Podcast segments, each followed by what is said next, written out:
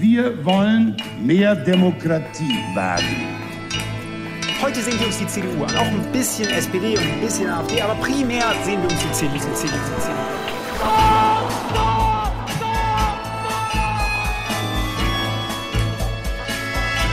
Niemand hat die Absicht, eine Mauer zu errichten. Ich weiß, ich habe heute Morgen in den Spiegel geguckt und dachte, wer ist denn die Hotte Bitch? Werden schon in wenigen Jahren blühende Landschaften, blühende Landschaften geworden sein. Früher waren wir Lametta. Wir haben so vieles geschafft, wir schaffen das.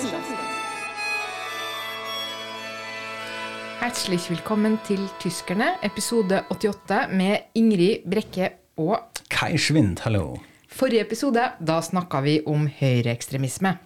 Denne gangen går vi til den motsatte ytterlighet, nemlig Melodi Grand Prix. Eller gjør vi det? Ja, ja, ja. Vi får se. Vi får se. Vi skal i hvert fall se nærmere på de tyske bidragene gjennom tidene. eh, Og i ordspalten vår så blir det også bare kos og moro. Men først altså Grand Prix, eller Eurovision Song Contest, som det egentlig heter. Det her var jo din idé, Kai. Kan du si eh, hvorfor du ville snakke om eh, Eurovision? Ja, og da velger jeg å svare med Nietzsche, med et Nietzsche-sitat. eh, Ikke sant? Han sa jo Und wenn du lange in einen Abgrund blickst, blickt der Abgrund auch in dich hinein. Altså når du bruker mye tid på å stirre ned i en avgrunn, ser også avgrunnen inn i deg. Og nå skal vi se rett inn i avgrunnen i dag. Vi skal snakke om Eurovision Song Contest. Så det er min, min vei inn. Ja, det må jeg si. Eh, Fordi vi er jo begge litt påvirket eh, av det som tysk, eh, tysker og nordmann, eller nordkvinne. Mm. Begge våre land har jo kanskje et litt spesielt forhold til denne sangkonkurransen. Det kan vi, jo, kan vi jo snakke litt mer om. Men hvordan er det med deg personlig? Hva er ditt forhold til Eurovision Song Contest? Ja, altså, jeg husker det jo eh, veldig som barn. Det var jo familieunderholdning. Ja. Men det sterkeste, kanskje Jeg har to, kan jeg si, sterke minner. Eh, og det ene er jo da eh, Bobby Socks. Eh, og det eh, De vant i 1985. Ja. Eh, og det, den kvelden da det var internasjonal Grand Prix, da satt jeg barnevakt.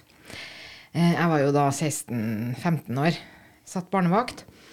Eh, og mora til den lille jenta jeg skulle passe, tok meg til side og sa Nå har jeg prøvd å forklare og forklare at det er ikke sånn at Bobby Socks vinner. Det var bare den norske finalen. Nå er det en internasjonal konkurranse. Hvem som helst skal vinne. Men hun nekta å forstå det. Så mora forberedte meg på at jeg måtte trøste dette det antagelig gråtende barnet da, som når Bobby Socks ikke vant. Men så vant jo Bobby Socks. ja, så det var jo veldig flott, da. Det er veldig spesielt, ja. Så det var minne nummer én. En, ja. eh, og det andre er mye kulere, for det var i, i 2013. Og jeg var på Freiluftskino Kreuzberg Ja, i Berlin, ja. i Berlin. Eh, sceneshow eh, med Gisela Sommer og Ingeborg. Og det var altså to drag queens som har en sånn slags Jeg tror kanskje det er en tradisjon, eller det har i hvert fall blitt gjort flere ganger. Men dette er jo en, en, en kino med svært, svært lerret. Ja. Og så blir eh, sendinga eh, vist der. Og så hadde disse to da eh, innreda en, akkurat som en liten stue på scenen foran med lamper, lenestoler og masse drikkevarer. Og de er også kjent som de bynentrinkerinnen. Altså, Som pro Ja. profesjon, det er kjempebra. Ja, ja. Scenedrikkere. Scenedrikkere. Profesjonelle Ja. Veldig fint. Så det var mye De satt og kyla innpå og skravla i vei under hele sendinga. Og det var utrolig morsomt. Og jeg var jo selvfølgelig der med venner, og det var folk fra masse land der, og det var flagg, og det var uendelige mengder med sprudlevin, og det var kjempegøy. Det var iskaldt og regn. Det merka vi ikke noe til. Ja. Det var bare så artig. Ja, det er veldig, Sånn pleier det å fungere i i Tyskland med det siste. Også kanskje spesielt siden etter 2006, siden verdensmesterskap i fotball, med den public viewingen hvor man bruker hver anledning å samle folk foran et stort lerret og feire sammen og se på ting. Ja, det- veldig god skikk, vil jeg si. Ja, det er absolutt det. Men da har du jo egentlig sett sånn på Har du opplevd begge sider? Det norske forhold til Grand Prix. Nå må du litt sånn rette hvis jeg sier feil, men jeg føler at det ofte er preget av litt mer alvor. Altså det at man vinner eller ikke, hvordan det fungerer.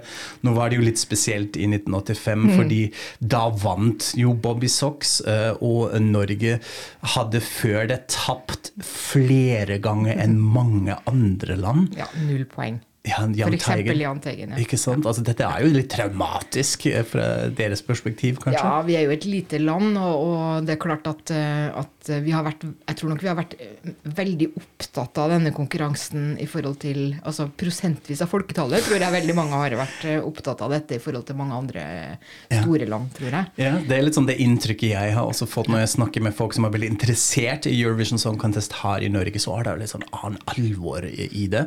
Og mens i Tyskland er det mer sånn fest og party og sånn. Ikke hele veien. Vi har også hatt litt avhengig av hva slags artist det var, eh, også kanskje litt mer faktisk skjønt det store alvoret og at man ville klare seg bra. Men ellers har man kanskje hatt en litt mer sånn ironiserende tilnærming eh, til det. Det er i hvert fall min vei inn. Det kan jeg jo fortelle litt mer om etter hvert når vi ser på disse bidragene. Men det var sånn det begynte for meg, at, man, at det var først og fremst en stor fest.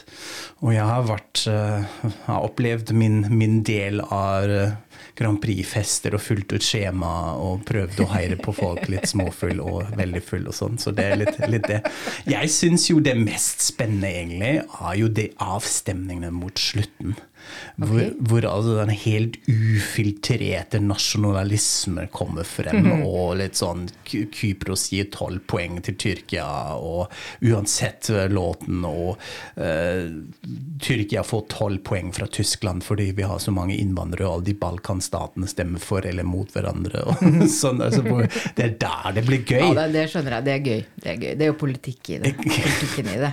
Ja, og så blåser man egentlig litt i de ulike låtene. Ikke alltid, det finnes jo sånne låter som bare går frem, som alle er sjarmert av, men det syns jeg er veldig, veldig gøy. Spennende, men jeg tror vi må kanskje se litt tilbake i historien til Eurovision Song Contest eh, først, ikke minst fordi det er jo verdens største direkte TV-sending. Det er det. eh, Til i dag. Den ble altså vist i over 140 land. Okay. Men det begynte litt mer beskjeden, nemlig i 1956 med syv land som deltok i Lugano i Sveits. Eh, Hvor altså den første uh, gikk av stabelen, og da var det også Sveits som vant. Vet ikke om det er en sammenheng der. Men det som var litt interessant, er jo bakgrunnen av dette. Fordi den på den tiden nye europeiske kringkastingsunionen skulle altså produsere paneuropeisk underholdning, og det med god økonomisk støtte fra USA. Ja, man skulle holde freden i Europa, og det påpekte jo den ene vennen jeg så Grand Prix med i Kreuzberg, nemlig at det har jo ikke vært krig mellom Tyskland og Frankrike siden denne konkurransen starta. 56, det er sant. Jeg vet ikke helt om det skyldes Grand Prix, men det er sikkert eh, en del av dette. Men det er jo helt sant. altså Dette skyldes jo selvfølgelig eh, den geopolitiske situasjonen i Europa. Eh, På den tiden kommet ut av andre verdenskrig, var midt i en sånn oppbygningsfase, samtidig som man er på vei midt inn i kalde krigen, eller sto egentlig midt oppi dette. Så formålet, eller bestillingen, kan man jo si var ganske tydelig. Eh, Gi folk litt sånn lettvint underholdning via en sangkonkurranse, en låtkonkurranse, men samtidig også skape ja, en sånn symbolsk motstand til Sovjetunionen og eh, østblokk. Altså Man skulle spre vesteuropeiske verdier via underholdning og skape et europeisk identitet. Eh, kanskje en slags fellesidentitet, også ved å avgrense seg mot kommunisme. Og da måtte det jo gå sånn som det alltid gjorde i den kalde krigen. At det måtte komme en motreaksjon østfra. Så Derfor så lagde man en, en, et motsvar, en egen eh, festival. eh, For første gang arrangert i 1961 i Sopot i Polen. Ja. Og senere så ble den til Intervision Song Contest, og foregikk da like i nærheten, i Gdansk. ja. Um, og her hadde de en utrolig uh, spesiell eh, avstemningsmetode, fordi at uh, folk flest hadde jo ikke telefon. Så da ble man bedt om at man, når man så på konkurransen, at man gjorde det i mørket. Og så kunne man slå på lyset når man likte et bidrag, og så skulle da det statlige elektrisitetsverket registrere strømforbruket og gi videre denne informasjonen til fjernsyns... eh, til TV-selskapet. Jeg må si jeg syns det høres litt sånn tvilsomt ut, Ja. men eh, hva tror du? Det tror jeg òg, og det er også sikkert stor rom til forfalskning av de resultatene. Jeg vet ikke helt hvem som vant hele tida, men tipper på at Russland, altså Sovjetunionen, vant. Men ja, det er helt fantastisk. Altså, også tanken at sånn stakkars folk i Øst-Europa sitter i mørket, og når de liker noe, så må de slå på lyset. Fantastisk. Ikke sikkert det var mer enn fem som stemte, da. Vi vet jo ikke det. Nei, det, det er sant. Kanskje altså sånn litt ulike stemning på hver side av, av muren. Men det som er altså interessant her, altså at Eurovision Song Contest, selv om som den skulle være veldig upolitisk, upopulis- herregud, upolitisk, var nettopp det.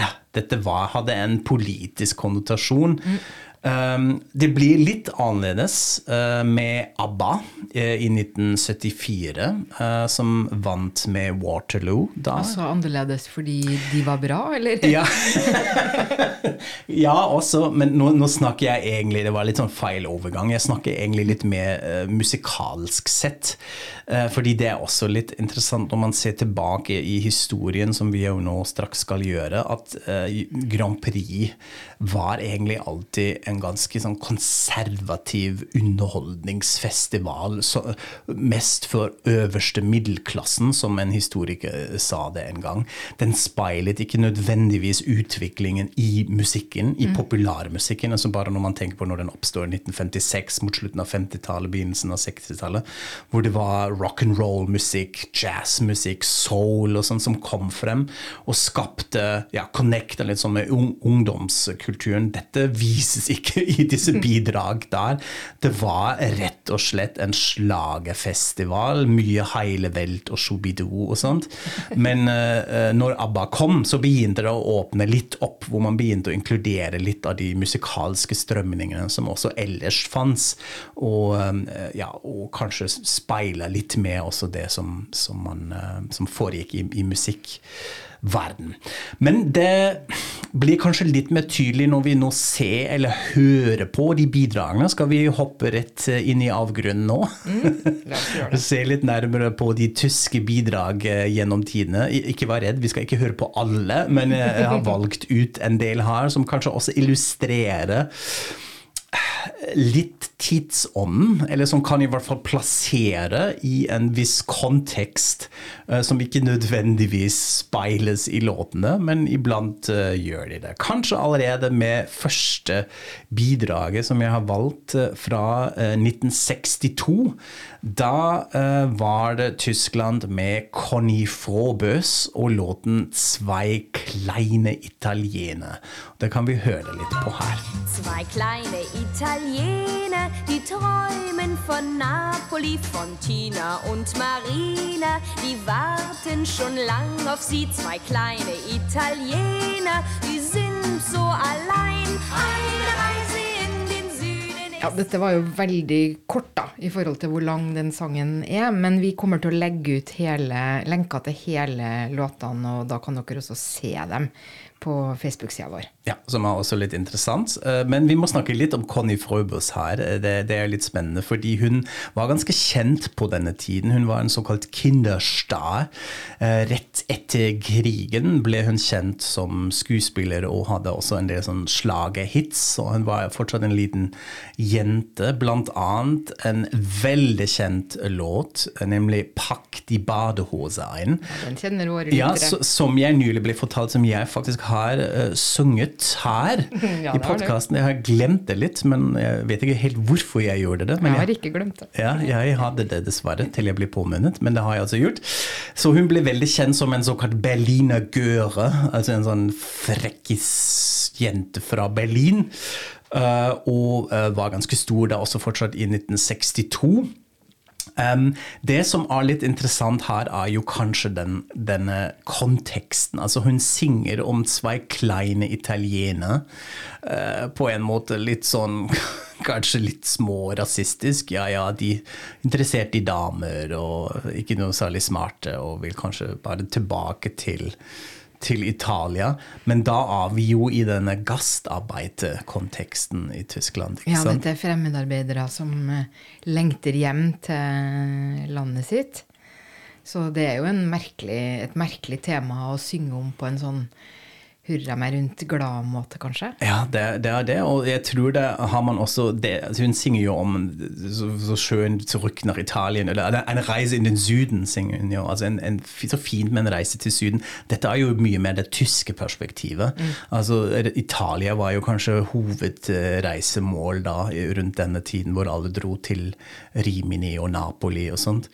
Eh, Så det er kanskje med en sånn tysk blikk. Og så en liten fun fact for eh, nerds her, som jeg syns var litt eh, spennende. Komponisten til eh, denne låten er Christian Brun, som selv om man har kanskje eh, ikke eh, Man kjenner ikke på navnet hans, er en av Tysklands mest suksessrike og også kjente komponister. Han har skrevet eh, massevis av kjente slager og poplåter, altså Marmorstein og Eisenbricht f.eks. er en veldig kjent låt som alle kjenner. Men også massevis av reklamejingler på 70- og 80-tallet, som mange i Tyskland kjenner til. Og ikke minst eh, introlåter til barne-TV-sendinger, som Heidi eller Ciao Mako Ciao eller Captain Future soundtrack. Eh, Dette er min barndom, så han er et sånt geni i bakgrunnen, som også skrev um, Zwei kleine Italiener. Men vi beveger oss videre, og nå kommer vi til året 1968. Og nå, kjære norske lyttere, nå ble det litt uh, spesielt her, fordi ingen mindre enn Wenche Myhre. Myre. Vi kaller henne for De, de Wenche Murre, så da beklager jeg sånn art. Wenche Kjente jeg ble nesten litt fornærma her nå. Ja, det er helt riktig å sette meg på plass, men jeg, da, jeg, har- nå ble jeg mer tysk enn en ellers. Altså, Wenche Myhre representerte Tyskland i 1968 med låten 'Ein Hoch der Liebe'. Det hører vi litt på.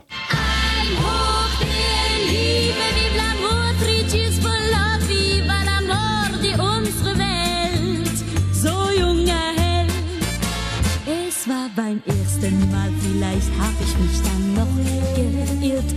Hun kom faktisk på sjetteplass med den låten, som, som eh, er jo ikke vers. Men altså, hva er den greia med Wenche Myhre? Vi elsker jo henne i Tyskland. De Wenche.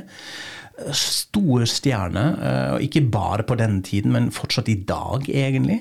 Men hvordan er det i Norge? Jeg har aldri helt sånn skjønt forholdet mellom Norge og Wenche Myhre. Elsker man henne like mye, eller hvordan er det? Ja, altså, ja, det vil jeg tro. Altså, jeg, jeg er jo ikke helt i målgruppa her, men, men eh, min oppfatning er at eh, også i Norge er vi veldig begeistra for Wenche Myhre. Ja. Og så har hun jo også den bonusen at hun er stor i utlandet. Ja.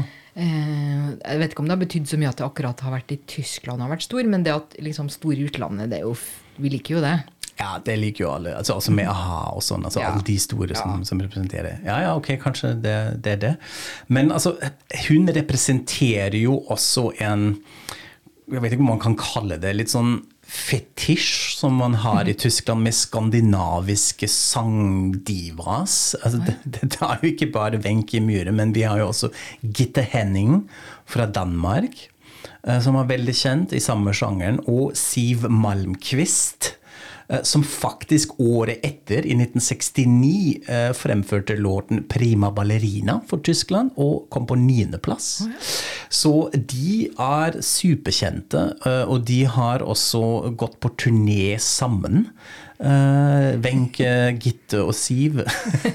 Eh, nå ikke så lenge siden, så man har en sånn Man elsker bare disse skandinaviske damer. Ja, Men det er jo koselig. Ja, det er jo det, ikke sant? Så eh, vi, ja, veldig fint.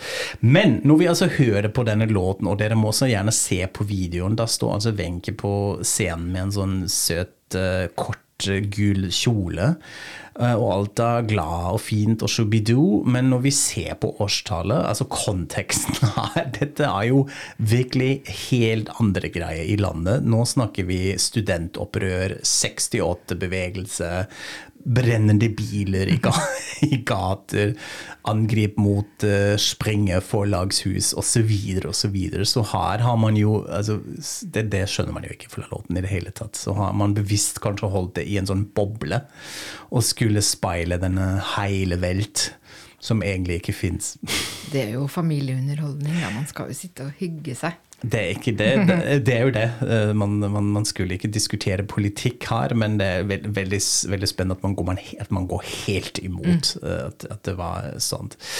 Vi skal spole litt eh, fremover. Gjennom 70-tallet var det fortsatt litt sånn en del slager. Så kom jo ABBA, og da begynte man å åpne litt mer opp, og kanskje inkludere også en, en, litt sånn annen stemning inn i eh, hva Grand Prix betydde. Og det illustreres kanskje ganske bra av det tyske bidraget fra 1979, nemlig Djingis Khan med Djingis Khan.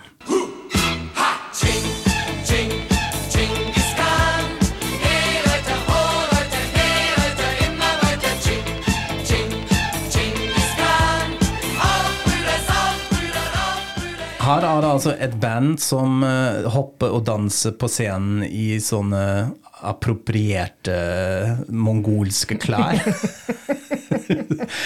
uh, og med våre blikk i dag er dette jo mer enn problematisk. Jeg tror min favorittreplikk i låten er 'Lass noch vodka holen, den wir sind mongolen'. Vel veldig, veldig fin. Så det måtte kanskje en tysk komponist til for å lage et sånn disko-party-nummer basert på en grusom historisk despot. Men jeg må jo også si noe som er veldig morsomt fra sånn norsk perspektiv. Da. Det er jo hvordan man, dere staver Ringis Khan. Men det kan dere se når vi deler låten. Det er, ah, det er jo til å fnise av bare det. Det er allerede der det begynner med fnising, så det er, eh, det er, fint, ja. ja. Så det er jo en, en, en sånn rar, veldig rar ting, men den kom på fjerdeplass, og dette klarte seg jo ganske bra. Og her er det kanskje litt sånn to ting. Det første er at uh, dette er skrevet og komponert av Ralf Siegel, som i Tyskland også har fått eh, kallenavnet Mr. Grand Prix, fordi han har deltatt totalt 25 ganger som komponist. Har altså skrevet helt ulike typer bidrag, men dette her var altså en av uh, den han bidro med. I seg selv en veldig interessant person. Vi skal ikke snakke så mye om han, men han var altså sønnen til en annen slagerkomponist, nesten med samme navn, Ralf Maria Siegel, og operetten sangerinne Ingeborg Dødelein. Mm. Og kom fra en, fra en steinrik eh, familie fra München. Og gikk da litt sånn i samme spor. Ble også slagkomponist. En sånn multiinstrumentalist. Spiller massevis av instrumenter. Var i USA for å utdanne seg. Var i Nashville og produserte musikk og sånn. Men uh, kom da tilbake til Tyskland og produserte slager. Og er del av det man kaller for Münchner Schickeria. Og ja, det er de som har gallaklær og kjører i sportsbil til operaen? Ja, altså de, de, de rike og de fine. Iblant er det også litt som det man kanskje hadde kalt for white trash, men som har bare fått fått veldig mye penger. Så det er litt avhengig av hvor man står. Men uh, rike, de reichen og de schönen aus, aus München. Men det som er litt interessant her, er at uh, konteksten altså Dette er jo tydeligvis preget av diskomusikk, men så kommer det også en sånn frivol lekenhet uh, inn i bildet. Og man kan kanskje si at det var der at uh, Grand Prix begynte å bli litt camp. At uh, skeivheten, queer-kulturen og sånn kommer inn i bildet, og at man skulle, skulle, ha det litt gøy, og ikke bare var det sånn flinke piker og flinke gutter som fremfører fine, flinke låter, men nå blir det litt mer feststemning, litt mer sex kanskje, og, og da som sagt at man begynner å koble seg litt mer mot ulike subkulturer. Så dette, så dette ser vi her. Men da man tror at det skulle bli bare tull, så blir det plutselig superalvorlig igjen, eller nå gå i en helt annen retning, fordi vi går videre til året 1982. Og nå kommer den store, store kjente hiten, som også er den første seieren for Tyskland, nemlig Nicole med Ein bisschen Frieden. Ein bisschen Frieden, ein bisschen Sonne für diese Erde, auf der Freude, ein bisschen wärmer, das wünsch ich mir. Å, det her husker jeg. Jeg var også redd for atomkrigen, og, og eh, husker den derre eh, fredsønsket. Ja. Og hvor nydelig Vi syns hun var så nydelig, og det var vakkert, vakkert, vakkert. Det er virkelig fortsatt, Jeg syns fortsatt det er en veldig fin sang som man blir litt rørt av, faktisk. Ja, det er interessant. Når jeg så satt sammen disse låtene i går kveld, så ble jeg også plutselig litt rørt av å høre på den. Altså, den har jo også ganske sånn sett enkle, men fine replikker. Altså det å si at man er redd fra mørket, og at, at hun håper at ingenting fælt skal skje. Ich håper det nichts Schlimmes passiert. Dette er jo den stemningen jeg husker ja, til og med fra jeg var barn. Altså at man var litt sånn ja, Vi håper at det skjer ingenting nå. Uh, At det ble ikke krig. Så de har jo klart å fange opp den, den stemningen. Og jeg tror det var derfor det fungerte på tvers av Europa. At de fikk veldig mange poeng. Og det var litt interessant når jeg så litt på konteksten. Det var, altså, mens det foregikk, så bombet jo britene Falklandøyene. Ja. Så Falklandkrigen ja, var i gang samtidig, så dette var jo en annen realitet for folk også, Ja. å, å synge om dette her. Så dette var også Ralf Siegel som skrev denne låten, eh, men det er altså 17 år gamle Nicole fra Saarbrücken som eh, stjeler showet her. Og Ralf Siegel sa i et intervju at han hylgråt i 20 minutter da han først hørte henne synge denne låten og visste at dette har vi eh, i boks. Og det er jo sant, det fungerer jo veldig bra. Hun synger jo også noen replikker i andre språk, jeg tror på nederlandsk og sånn. Så hun har jo vist uh, her det, det mest vennlige og søte ansiktet som Tyskland klarte å hoste opp i begynnelsen på 80-tallet.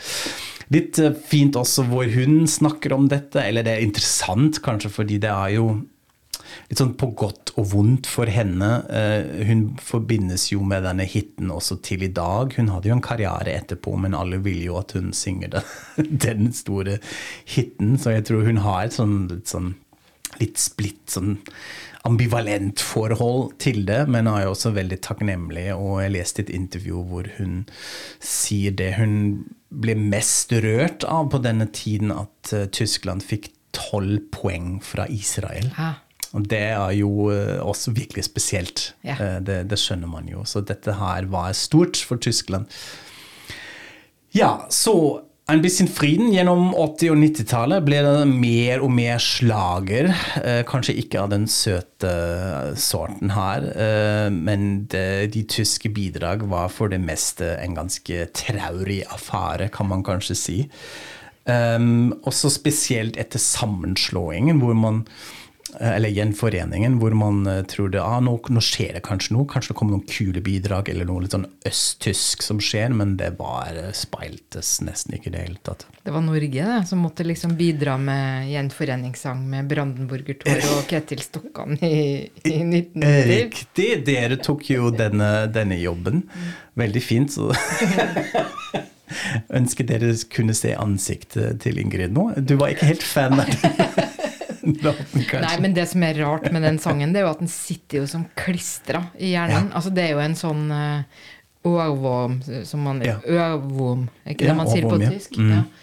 Som man bare aldri blir kvitt. Så hadde jeg hatt stemme, skulle jeg sunget en liten uh, Ja, men det lite også utdrag. Men uh, jeg tror alle som hører på dette nå, de vet akkurat hvordan det Ja. høres ut. Og det er sikkert også mange norske turister som drar til Berlin, som da går til Brandenburger Tor, og så synger de litt når de står foran. Det har jeg også hørt. okay. Ok. Det skjer, ja.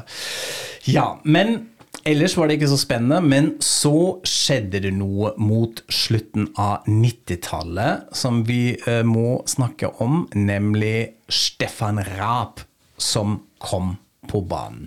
Hvem er Stefan Raab? Jo, han er musiker og programleder på TV. Han begynte på musikkanalen Viva, som kanskje mange husker. Det var som tyske svar på MTV.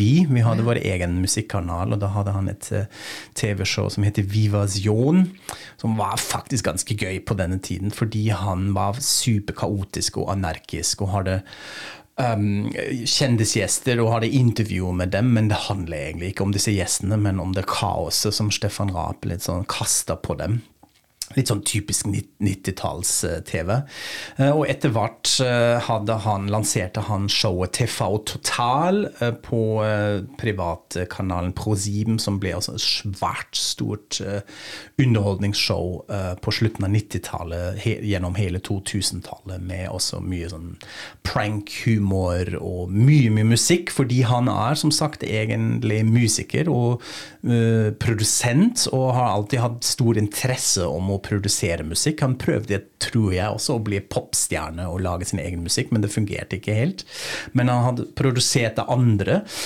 Og i 1998 tok han for seg eh, Melodi Grand Prix og sa dette er helt forferdelig og pinlig hva Tyskland kommer med. Nå må vi eh, gjøre dette cool igjen og prøve å komme med vår egen. Kanskje har en litt egen tilnærming, rett og slett ved å ironisere dette litt. Og da fant han Gildo Horn. En, jeg vet ikke hva man skal si om han. En musiker og entertainer som hadde et sånn retro slagerband som heter Gildo Horn og De ortopedischen strømfe. Veldig bra navn, Fin da. tittel. Jeg skal ikke oversette det nå. Eh, som lagde litt sånn retro-slagermusikk og tulleslager og sånn. Og han uh, jobbet da sammen med Stefan Raab. Stefan Raab skrev låten for han, som Gildo Horn i 1998 fremførte i, i Melodi Grand Prix, nemlig Gildo hat euch lieb. Ich hab dich lieb, Gildo hat euch lieb. Und wenn's auch mal Tränen gibt, kommt er rüber und singt für euch Lieder. Gildo hat euch lieb.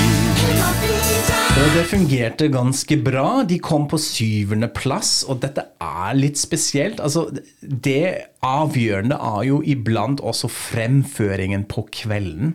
Fordi dette hadde man ikke sett under Grand Prix før, hvor alle fremfører litt fint, og det er fint sceneshow og sånn, men plutselig kom denne mannen som har litt mage og måne og langt hår, og hopper rundt i et crazy sånn 70-talls eh, og platåsko og synger pip, pip, pip, ich hab euch lieb, og hopper inn i publikum og sånt.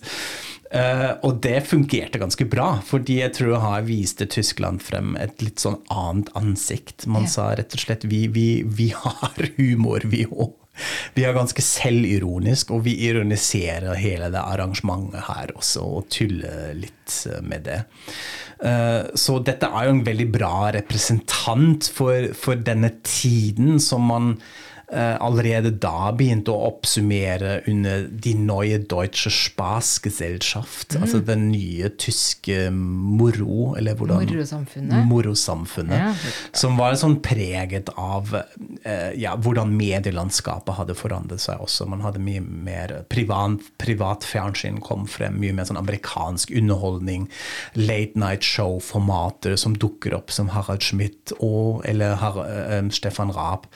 Uh, også at standup comedy kom til Tyskland, og man skjønte ok, det, det går an å lage komedie også på litt andre måter. Det må ikke være politisk kabarett. Det kan også bli litt mer kommersiell og litt mer tullete. og med, mer sketsjshow og sitcoms på tysk TV og sånn.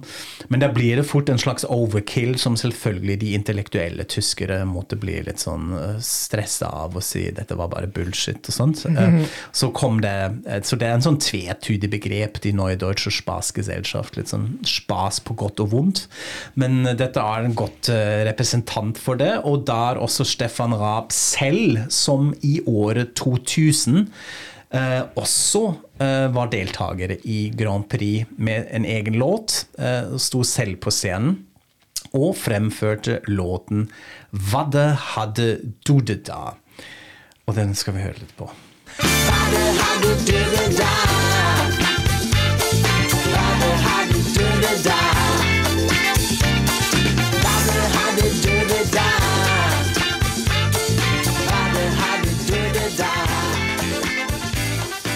Ja, dette skjønte jeg ikke mye av. Er det en eller annen sånn corny tysk dialekt, eller hva er det? Ja, det er en bland...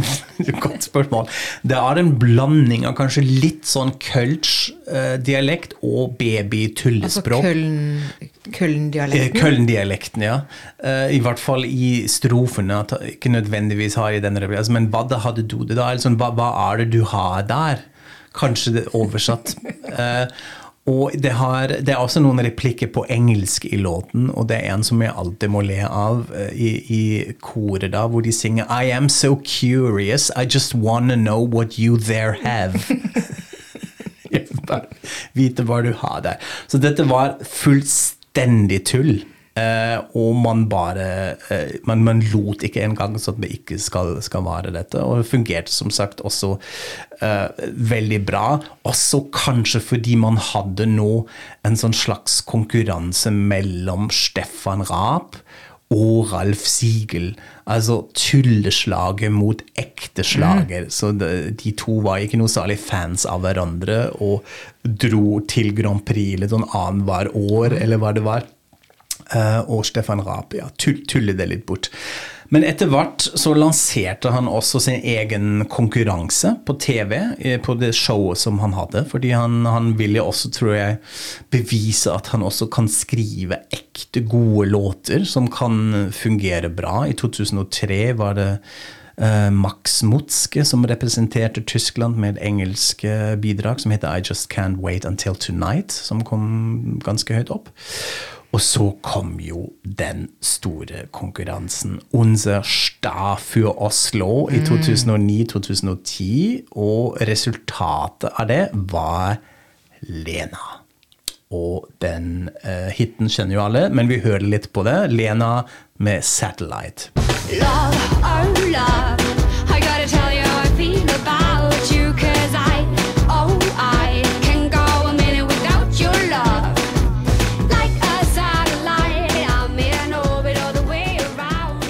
Dette var jo Oslo, stor suksess, eh, og da var det kanskje en, helt annen kontekst. Kanskje det er litt sånn det nye Tyskland som representeres her. Merkel-Tyskland, jeg vet ikke. Hva tenker du? Ja, at man er litt mer sånn selvbevisst, og man har knekt den internasjonale koden på et eller annet vis. Man trenger verken tulle eller eh, være klisjé, men kan liksom være på akkurat det som gjelder. Jeg vet ikke. Ja, litt sånn, selv om det er litt sånn ekkel ord, sånn autentisk på en måte. altså Da var det ikke noe stor sceneshow, sånn sett, men det var hun, en ung dame i svart kjole, uh, som var, hadde sånn sterke meninger. Hun kunne også være litt sånn vanskelig i intervjuer, og hun var med og hyggelig og sånn.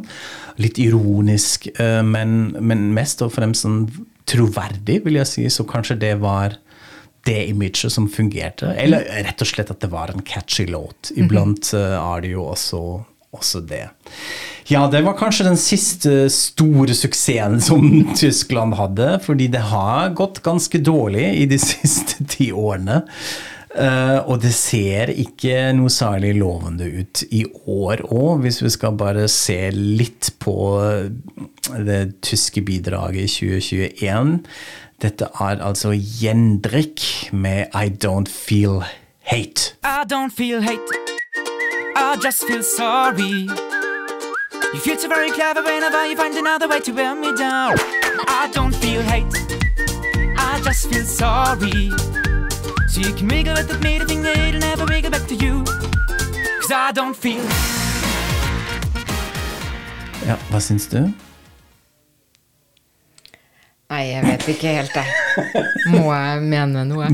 Det er ikke min eh, Det er ikke min nei. Nei, nei. ikke min heller. Det er også litt sånn rart hva slags sang, eh, sjanger det er. Altså, det høres litt ut som det er lagd på 90-tallet. Jeg føler meg gammel likevel. Selv om jeg burde egentlig like ting som var lagd på 90-tallet, så bare kjenner jeg nei, nei, nei. Ja, Ikke hvis det er sånn en dårlig reprise. Den ligger også ganske, scorer ganske lavt med bookmakers. Dette her, altså Prognosene ser ikke bra ut. Kanskje det var også fordi de har hatt en annen prosedyre i kulissene. Det var altså ikke publikum som valgte låten, men det var en intern jury som besto av journalister og bransjefolk, som bestemte at dette altså skulle bli låten som representerer Tyskland. Så man har ikke noe særlig sånn stemning for den låten i befolkningen heller. Jeg vet ikke. Vi får se. Det er altså snart Eurovision Song Contest igjen. Nå er dere forhåpentligvis forberedt uh, ved å ha sett inn i avgrunnen. Uh, jeg håper det var litt gøy. Uh, og vi beklager også samtidig. Det var litt sånn på godt og vondt, dette her. Jeg skjønner jeg er litt sliten av å hørt på alle de låtene her. Men vi, ja, ok, greit. Vi krysser fingrene for Tyskland. An, auf, hinter, neben, über, runter, vorzischen. Men da skal vi til ordspalta. Eh, og jeg har da med meg, tatt med meg et uttrykk og noen ord, fordi jeg tenkte at siden vi bare skal snakke om eh, musikk og underholdning og sånn, så fortsetter vi i samme eh, sjanger. Ja. Em, sånn at eh, jeg valgte da først et, eh, et uttrykk bare for at jeg syns det er så artig. Og det da heter hette Farad Kette. Som også ja, Vi, vi snakka jo litt her eh, nylig om sånne uttrykk som dukker opp i disse politiske talkshows. Og dette er et sånt uttrykk Ja. som, som jeg, jeg syns jeg hører det hele tida nå. Det blir brukt eh, masse. Og det er jo egentlig bare tøys. Altså Faradkette er jo sykkelkjede. Ja, bare fordi det rimer, liksom. Bare fordi det hette, rimer. hette, faradkette. Ja. Ja. Mm. Men det det betyr, er jo Altså, det er jo et uttrykk som, som sier eh, Som handler om egentlig ønsketenkning, eller når man bare øh, sier at øh, eh, man vil ha et kjempestort statsbudsjett, eller man vil liksom eh, gjøre et eller annet politisk sprang som ikke er realistisk, eller så blir det sånn hette hette Farad-Keste. Ja. Alle kan jo drømme, liksom. Så var det litt sånn etterpåklokskap eh, også. Altså at man kunne Ja, ha. Ja, hvis vi hadde hatt den kunnskapen på den tiden, så kunne vi kanskje ha, men hette, hette, faradkette, liksom. Nettopp. Ja, for det, det rimer jo egentlig kanskje litt bedre med hvor det kommer fra. Fordi altså, det er vel ikke egentlig Per Steinbrück, altså tidligere leder for Sosialdemokratene, som har funnet det opp, men det ble berømt pga. han. Og det er jo litt morsomt også at dette er et nytt uttrykk for veldig mange av disse uttrykkene eh, man slenger rundt seg i, i debatter og sånn, er jo veldig gamle og ikke alltid så lette å forstå. Men dette er ganske nytt. Og da eh, var det altså eh, eh, Steinbrück som var på direktesendt TV og ble konfrontert med at valgkampslagordet til SPD Das wir entscheidet, det var jo allerede i bruk av et eh, selskap, altså et firma. Hadde det som sitt bedriftsmotto, og det er jo bare sånn eh, veldig pinlig, ikke sant? For det minste du kan gjøre når du skal lage et sånn slagord, er at du må jo ta en liten Google eh, Ja, ja, ikke. Det må du jo sjekke litt, da. Og så bare ble han pressa litt, og så sier han bare sånn Ja da, ja da, hette, hette, farad, kette. Og så vipper han litt sånn morsomt på hodet, og så ble det også lagd noe sånn politisk satiresang Ja. som gikk som en liten farsott og, og sånn, da. Så det var, det var hette, hette, faradkette. Mm. Og så eh, ville jeg, syns jeg kanskje at det var litt lite bare å ha ett uttrykk, så jeg har også funnet tre ord som Ja. er fine. Ok. Altså Eh. temaet at de er fine og koselige? Fine og koselige. Ah, ok. Eh, så da prøvde jeg å google sånn koseord og sånn. Ja. Eh, og så fant jeg en merkelig nettside som heter eh, 99 Wohlfühlwörter. Die schönsten Wörter der deutsche Sprache. Oh, okay. Altså ord som får deg til å føle deg vel. 99 ord. eh, og dette er et veldig rart sted som heter da Steinenvogelreisen. Eh, og det er en forfatter som har laget et nettsted, og han har utgitt to bøker som bare består av eh, vakre ord. eh, Som har sånn blomster på forsida. Det ser veldig klissete og ikke intellektuelt ut, for å si det sånn. Kitsch. Litt kitsch, ja. Og han skriver også noe som heter Cozy Crimes. Kosekrim. Og poesi. Og han heter altså Lenny Løvenstein. Lenny Løvestjerne. Og det er jo også bare så vakkert. Og jeg aner ikke om det er et ekte navn eller ikke, da. Men veldig fint. Men til, til saken. De tre ordene jeg bet meg merke i, det var det ene ordet er da Augenstein. Altså øyenstjerne. Og det er så jeg, det var, jeg ble bare så fascinert, for det er akkurat det samme ordet vi har på norsk som heter øyesten. Altså, du har en favoritt, en yndling. Ja. mhm. Men det er jo mye finere med Augenstein Ja. enn med stein. Altså Stjerne er jo finere enn stein. Det- Andre, vet ikke hvorfor det er sånn. Det er det. Jeg har aldri brukt det. Jeg er egentlig litt usikker hva det betyr, Augenstein, men det sier kanskje noe øh, Du har ingen favoritter, Nei, du, Kai. Jeg, har, jeg hater alle. Ja. Eh, neste ord kanskje du kjenner deg litt mer igjen i, nemlig nachkatze. Å ja. På godt og vondt, dessverre. Det er jeg absolutt. En norskatse. Hva er det på norsk? Det er jo en søtmons, kan vi kanskje si. Ja. mhm. Ja, en som er glad i søtt og, søte og godterier og sånn. Jeg vet ikke om det også kan brukes som hvis man liker salt. Jeg liker jo mer sånn salte ting. Ja, jeg vet ikke hvordan det er med nach. Altså, nasjen er jo også et verb, nasjen. eh, og da, det forbinder jeg utelukket med søte ting. At man liksom går bort til skuffen hvor sjokolade er i, og så nasjer man litt ut av det. Men jeg vet ikke eh, om det også fungerer for saltede ting. Det må dere gjerne eh, si ifra til oss hvis dere vet det. Jeg tror det er bare søte ting. Nachkatze. Ja. Og det siste ordet, det passer jo veldig bra siden vi har snakka nå om eh, Eurovision. Eller kanskje ikke. Men det er da Ohrenschmaus. Ja, det, det er et Ja. veldig kult ord. Eh, og da er det litt sånn altså det er jo sånn Schmaus er det sånn festmåltid, egentlig. Altså Der forbinder man med å spise. Så ørene spiser noe godt, ikke sant? Men hvordan sier man det Fins det på norsk, en sånn variant? Eh, nei, det vet, jeg vet ikke egentlig. Eh, som, nei, nei, som smør i øret? Nei, det tror jeg ikke. Nå kom jeg på noe, men jeg tror ikke det er noe som heter det. Nei, Ja. jeg vet ikke helt hva det En, en smektende melodi, eller Ja. Veldig Veldig fin, Det eh, fins ord, i hvert fall. sikkert noe, bare at jeg ikke kom på det i farten og har forberedt meg for dårlig. Men, eh, men det er i hvert fall Ovenschmaus er i hvert fall eh, vakker, vakker musikk. Og så kan Ja. man jo diskutere om det er det vi har gjennomgått nå eller ikke. Ja. Tror ikke det.